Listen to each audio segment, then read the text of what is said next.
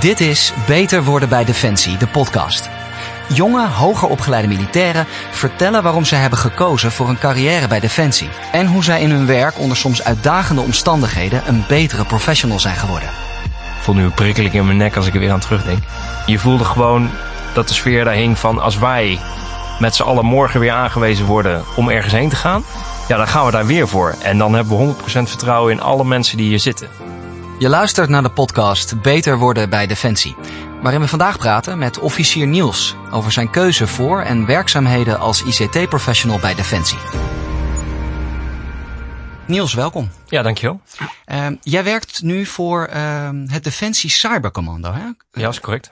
Kun je mij eens vertellen wat dat inhoudt? Uh, Defensie Cybercommando is uh, vijf jaar geleden opgericht en is eigenlijk nu een operationeel commando naast de landmacht, de luchtmacht en de marechaussee en de marine. Eigenlijk om in de digitale wereld mee te kunnen met de rest van de wereld. Uh, je ziet een verschuiving in de hele wereld. We worden dagelijks aangevallen door uh, digitale aanvallen. En ook de Nederlandse defensie vindt dat ze daarin mee moeten. In ieder geval in verdedigend opzicht en ook in aanvallend opzicht. Ja. Uh, want ja, als iemand je alleen maar kan aanvallen en je kunt niks terug doen, dan wordt het op een gegeven moment wel heel erg makkelijk. Je hoort steeds meer over digitale gevaren. Hè? Ik bedoel, het is in het nieuws en uh, tv-series gaan ermee aan de haal. Het is een zeer opkomend domein. Uh, je ziet ook dat er een hele hoop geld voor beschikbaar is. Uh, en dat de ontwikkelingen heel snel gaan. En daarom is het denk ik heel leuk en uitdagend om daarin aan de slag te gaan. Ja. Hey, werken bij Defensie, hè? Was dat voor jou een voor de hand liggende keuze? Nou, iets buiten de gebaande paden, dat, dat trekt me wel. Als ik dan ook keek naar de opleiding op de KMA, dan dacht ik ja, de combinatie van leiding geven en sport. Zeker in combinatie met een technische studie, dat sprak me erg aan, dat vond ik leuk. Ja, kun je ons even vertellen wat de KMA precies inhoudt? De Koninklijke Militaire Academie zit in Breda, is de officiersopleiding. Uh, nou, eigenlijk word je daar opgeleid tot uh, officier bij de landmacht. In eerste instantie uh, natuurlijk tot voor de meeste mensen pelotonscommandant. Dus dan ben je leidinggevend over 27 man. Ja waar je verantwoordelijk voor bent en die je moet opleiden en uiteindelijk eventueel op een uitzending meegaat. Ja, en daar word je eigenlijk in, in verschillende trajecten voor klaargestoomd. En waarom heb jij in die tijd voor, voor de KMA gekozen? Wat, wat trok je daar zo in aan?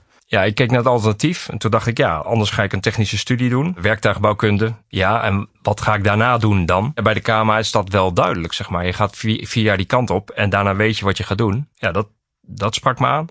Het was niet genoeg voor je. Je wilde eigenlijk gewoon veel meer uitdaging dan, uh, ja. dan de meeste. Ja, nou ja, ik ben wel voor de uitdaging gekomen bij Defensie, ja. ja. Absoluut. Heb je die gekregen? Ja, nadat ik uh, van de KMA afkwam, uh, kwam ik op mijn eerste functie. En op het moment dat ik binnenkwam, wist ik dat ik anderhalf jaar later naar Afghanistan zou gaan. Wow. Nou ja, dan heb je genoeg uitdagingen en avonturen voor je liggen. Ja, hoe was dat voor je? Want het lijkt me nogal wat dat je gelijk uh, hoort dat je binnen een jaar naar Afghanistan gaat. Ja, aan de ene kant wel. Aan de andere kant heb je uh, vier jaar en acht maanden een opleiding gevolgd. Uh, waarin je daarvoor bent klaargestoomd. Kijk, uiteindelijk kom je ook bij Defensie, denk ik, omdat je op uitzending wil. want trainen om het trainen, ja, dat kun je overal anders in de wereld ook. Ja. uiteindelijk wil je je als team wil je, je bewijzen. En dat is wel, ondanks dat het een hele zware uitzending was, was dat wel hetgene wat wat blijft hangen, zeg maar. We zaten op een klein kamp in Afghanistan toen de tijd, Derawood, met 150 man. En je merkt gewoon, al die 150 man zijn dag in dag uit, 24 uur per dag, alleen maar bezig met wat, wat is onze taak hier en hoe zorgen we ervoor dat mensen zo goed mogelijk de poort uitgaan en weer terugkomen. Nou, dat vond ik wel echt, uh, echt heel gaaf. Ja. Wat was jouw taak daar? Um, ik was pelotonscommandant van de Panzergenie. En um, bij. Panzergenie, Panzergenie even uitleggen voor de Panzergenie. Ja, iedereen kent uh, denk ik binnen de fans, binnen de landmacht uh, de cavalerie die met de tanks naar voren gaan en de infanterie. En de genie zorgt er eigenlijk voor dat de infanterie naar voren kan blijven gaan. Dus wij zijn voor een stuk mobiliteit. Dus op het moment dat wij hindernissen tegenkomen, dan moeten we zorgen dat we daar doorheen kunnen. We moeten kunnen bruggen bouwen, bijvoorbeeld over sloten. Als we een vijandig mijnenveld tegenkomen, kunnen we daar ook doorheen. En het belangrijkste in Afghanistan waren natuurlijk de bermbommen. Het zijn een soort van de bouwkundige fixers van, van de eenheid? Moet ik het zo zien? Ja, we zijn specialisten inderdaad. En uh, in Afghanistan was een belangrijkste taak het zoeken naar bermbommen. Dus uh, op het moment dat patrouilles de, de poort uitgingen, dan liepen wij voorop om uh, te zoeken naar bermbommen. Kun je een voorbeeld geven van een, van een missie die, die is bijgebleven? Ja, ik ben ehm, vier maanden naar Afghanistan geweest. En na een maand ehm, is het misgegaan bij het zoeken naar een bermbom. Dat is een sergeant van mij om het leven gekomen en een corporaal gewond geraakt. Ja, als je vraagt wat maakt het meeste indruk op je tijdens zo'n uitzending, is dat het natuurlijk. Ja. Het is ook een behoorlijke domper zeg maar op je uitzending. Maar uh, ja, ook dat hoort erbij. Ja, hoort erbij klinkt heel gek en past niet hierin. Hoe zeg je dat? Ja. Het is deel van je werk. Part of the job. En, en dat is heel verschrikkelijk. Maar ook daar uh, bereid je je op voor. En ook daar moet je dan vervolgens zorgen hoe je daar verder mee omgaat. Ik bedoel, uiteindelijk ligt er nog steeds een taak voor ons uh, de rest van die drie maanden in die uitzending. Uh, en ook daar moeten we dan voor zorgen dat we met z'n allen zo goed mogelijk daar invulling aan geven. Ja. Ja, dat is natuurlijk verschrikkelijk. En daar, ik kan me voorstellen dat je daar niet echt goed op kan voorbereiden misschien.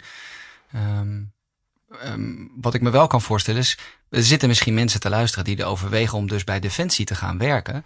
Um, vraagt dat nou echt iets extra's van jou als mens? Nou, ik denk wel dat je heel flexibel moet kunnen zijn. Je merkt aan Defensie dat er een hele hoop dingen ingeregeld zijn in vaste processen. Maar op het moment dat er iets gebeurt, dan moet je in staat zijn om te schakelen en andere dingen te gaan doen. Bijvoorbeeld is, uh, ik heb uh, in deze een jaar of drie geleden zat ik op een bataljonstaf van 101 Geniebataljon. En waren we druk bezig met het voorbereiden van het jaarplan van het jaar erop. Moet ook gebeuren. En op dat moment kregen we via de media te horen dat er een treinongeluk was gebeurd. Waarbij een trein stil stond ergens in the middle of nowhere. Ja, ook dan moet je kijken van hé, hey, wat kunnen we en wat hebben we? Nou ja, bij de genie hebben we wegenmatten in dit geval. En hebben we zelf uh, op dat moment alles laten vallen. En ga je aan de slag met een planning van hey, hoe kunnen we nou zorgen dat de hulpdiensten makkelijk bij die trein uh, komen. En uiteindelijk hebben we die matten daar dan ook ingezet. Inclusief het hele traject ernaartoe. Want dat klinkt natuurlijk vrij makkelijk. Je rijdt die kant op en je legt alle platen daar neer. Maar daar komt nog bij spelen dat uh, een burgemeester het eens moet zijn met de inzet van Defensie en et cetera, et cetera. Ik heb me ook altijd afgevraagd wat het nou is om militair te zijn. Wat houdt dat in? Wat, wat, wat, betekent het in de, in de praktijk? Met, je, met de manschappen samen iets, uh, iets doen. Wat betekent dat voor jou? Hetgene wat het meest. En ja, ik voel nu een prikkeling in mijn nek als ik er weer aan terugdenk. Uh, wat dat het meest uh, naar voren brengt, is wat het is om militair te zijn, is. Um, we hadden vijf jaar na dato hadden we een reunie in Assen. Na onze uitzending. Er zitten een hele hoop mensen bij die heb ik, ja, die in de tussentijd heb ik die nooit gezien. Wat dat betreft is het leger vrij groot. Maar vijf jaar na dato zaten we daar met z'n allen op het terras in Assen. En op een gegeven moment viel het gesprek stil. En je zag iedereen zo naast zich kijken, zo van links naar rechts. En, en je voelde gewoon dat de sfeer daar hing van als wij met z'n allen morgen weer aangewezen worden om ergens heen te gaan. Ja, dan gaan we daar weer voor. En dan hebben we 100% vertrouwen in alle mensen die hier zitten. En ja, ja, dat vat voor mij denk ik het gevoel het allerbeste samen. Je luistert naar de podcast Beter worden bij Defensie, waarin jonge militairen vertellen over hun motivatie en ervaringen om na hun studie te gaan werken bij Defensie. Uiteindelijk, dat was je tijd bij de genie. Um, uiteindelijk ben je uitgekomen bij het cybercommando. Maar hoe is dat dan gegaan? Als je eenmaal binnen Defensie werkt, uh, dan ga je elke twee, drie jaar naar een nieuwe functie. Um, dat en, is heel divers dus. Ja, je blijft nooit heel, zeg maar, je moet je niet voorbereiden op dat je tien jaar lang op dezelfde stoel zit. Want dat gaat gewoon niet gebeuren. Dus uh, wat dat betreft kom je telkens nieuwe dingen tegen. En uh, ja, ik ben de genie een hele hoop gezien. En toen dacht ik, ja, eigenlijk ben ik nu wel weer toe aan een nieuwe uitdaging. En toen dacht ik, ja, wat vond ik nou echt leuk tijdens mijn studie? Nou, dat vond ik de hele abstracte vakken en de hele abstracte wiskunde, uh, inclusief wiskundige programmeertalen. Toen kwam ik een cyber zelfstudieprogramma tegen van Defensie. En daar ben ik een jaar of vier geleden aan begonnen. Nou, dat sprak me erg aan. Nou, vervolgens, uh, als je een bepaald aantal punten in het zelfstudieprogramma hebt uh, gescoord, mag je meedoen aan een soort bootcamp waarin ze gaan kijken van, nou ja, wat heb je er dan van geleerd en in hoeverre ben je opleidbaar. Uh, en vanuit daar ben ik een cyberopleidingsprogramma ingegaan. nou ja, en uiteindelijk heeft dat ertoe geleid dat ik nu inderdaad bij het cybercommando werk. Die technische kennis kan ik daar goed gebruiken. Ik bedoel, we hebben echte techneuten rondlopen. Die zijn daar veel handiger in en veel sneller dan ik. Alleen wat ik meebreng is mijn operationele ervaring vanuit de genie. En daardoor vind ik dat ik heel goed op het koppelvlak tussen die techneuten en de operationele wereld ga zitten. Ik bedoel, als je een commando met onze techneuten laat praten, die twee die praten niet met elkaar. Die zijn elkaar binnen een paar minuten kwijt. Uh, mensen als ik uh, zitten dan bij Defensie Cyber Commando om te zorgen van, hey, in het planningsproces van die commando's, wat zouden wij daar nou uh, aan digitale slagkracht toe kunnen voegen. En ik kan vervolgens aan die techneut vertellen, je moet dit en dit doen. En die kan daarmee aan de voet. Dus eigenlijk jouw brede interesse is nu super goed inzetbaar. Ja, alle ervaring die ik eerder heb opgedaan, die kan ik nu kwijt in deze stoel. Ja, absoluut. Die digitale slagkracht, hè, laten we het daar eens over hebben. Want wat houdt dat nou precies in? Nou ja, Defensie Cybercommando is eigenlijk een operationele eenheid. Uh, net als andere operationele eenheden binnen de krijgsmacht. En uh, wij zijn voor het ontwikkelen van cyberwapens. Ja, dat, dat is, klinkt heel futuristisch. Dat klinkt enigszins futuristisch. Het, het probleem ook is, je kunt niet een standaard cyberwapen maken dat, dat klaar ligt en, en dat je kan afvuren. Um, uh, je zou voor elk doel moet dat op maat gemaakt worden. En dat, dat maakt het ook lastig. Um, het zou zomaar eens kunnen zijn dat we in een uitzendgebied zitten en dat we ons willen. Uh, en, en, dat we willen dat uh, bijvoorbeeld een tegenstander niet over een brug heen kan.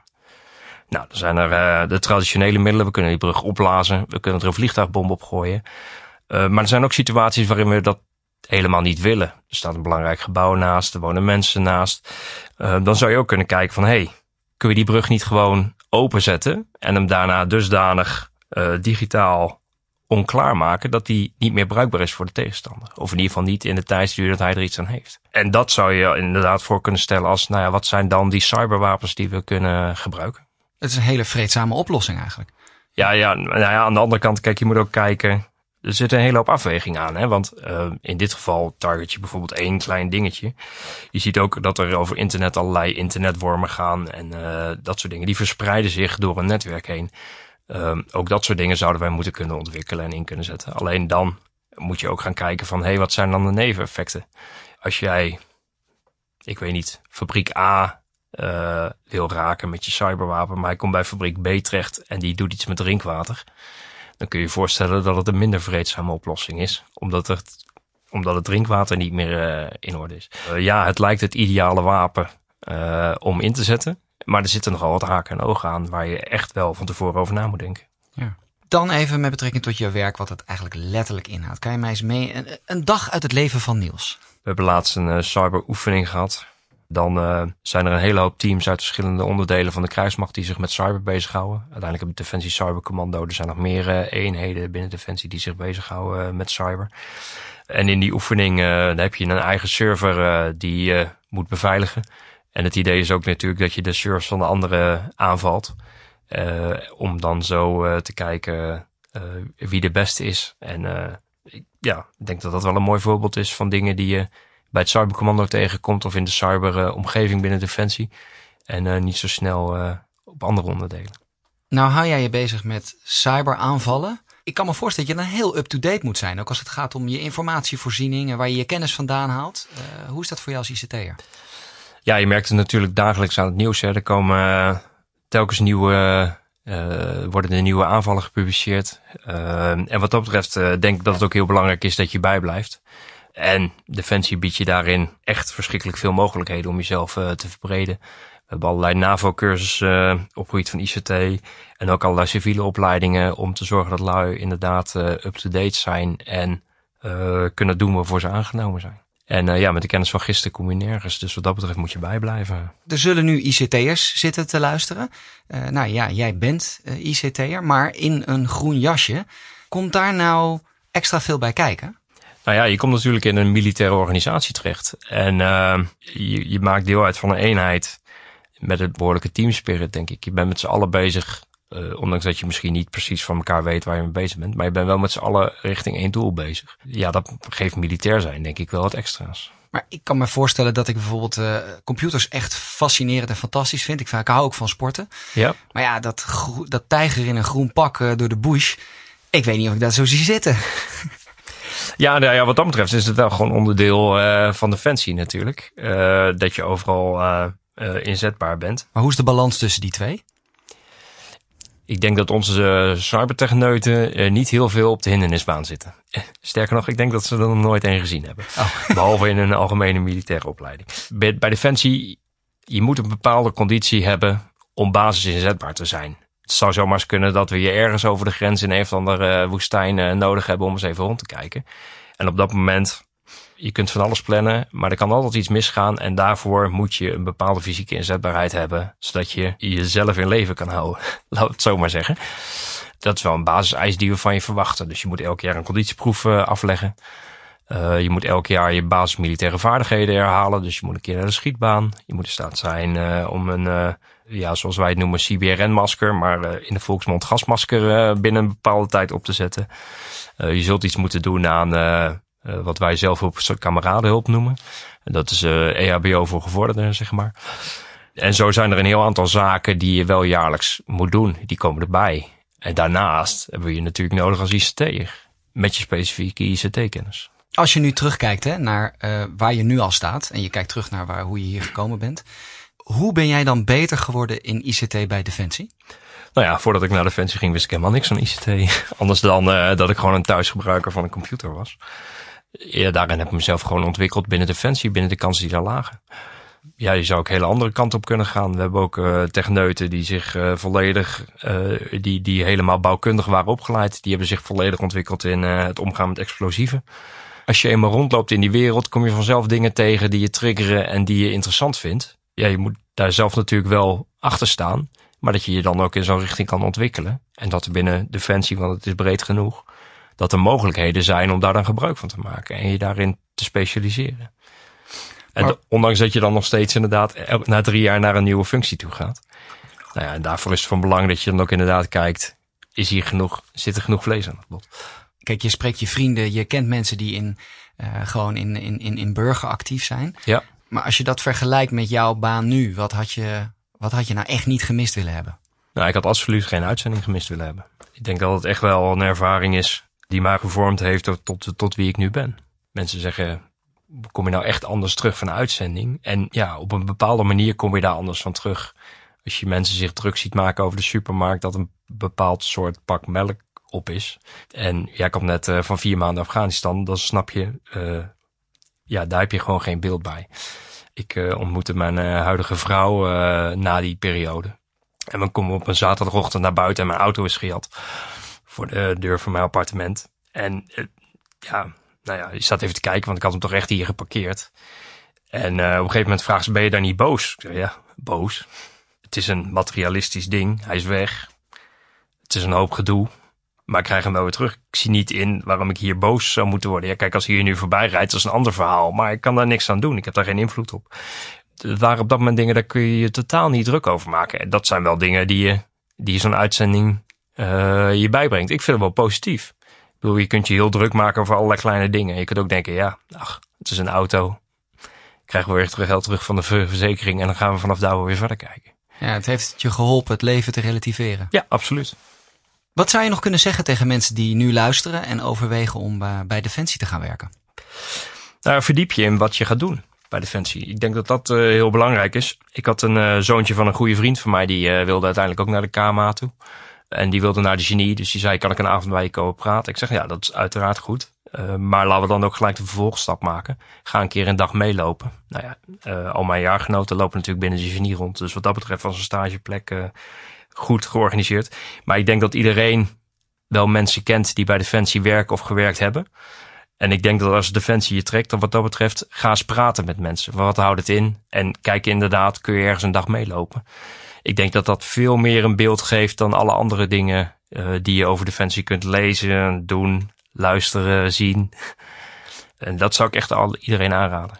Nou, dan is dat bij deze de huiswerkopdracht van onze luisteraars. Hartelijk dank Niels voor dit gesprek. Ja, graag gedaan. Je luisterde naar de podcast Beter worden bij Defensie. Kijk voor meer podcasts en vacatures in jouw vakgebied op werkenbijdefensie.nl.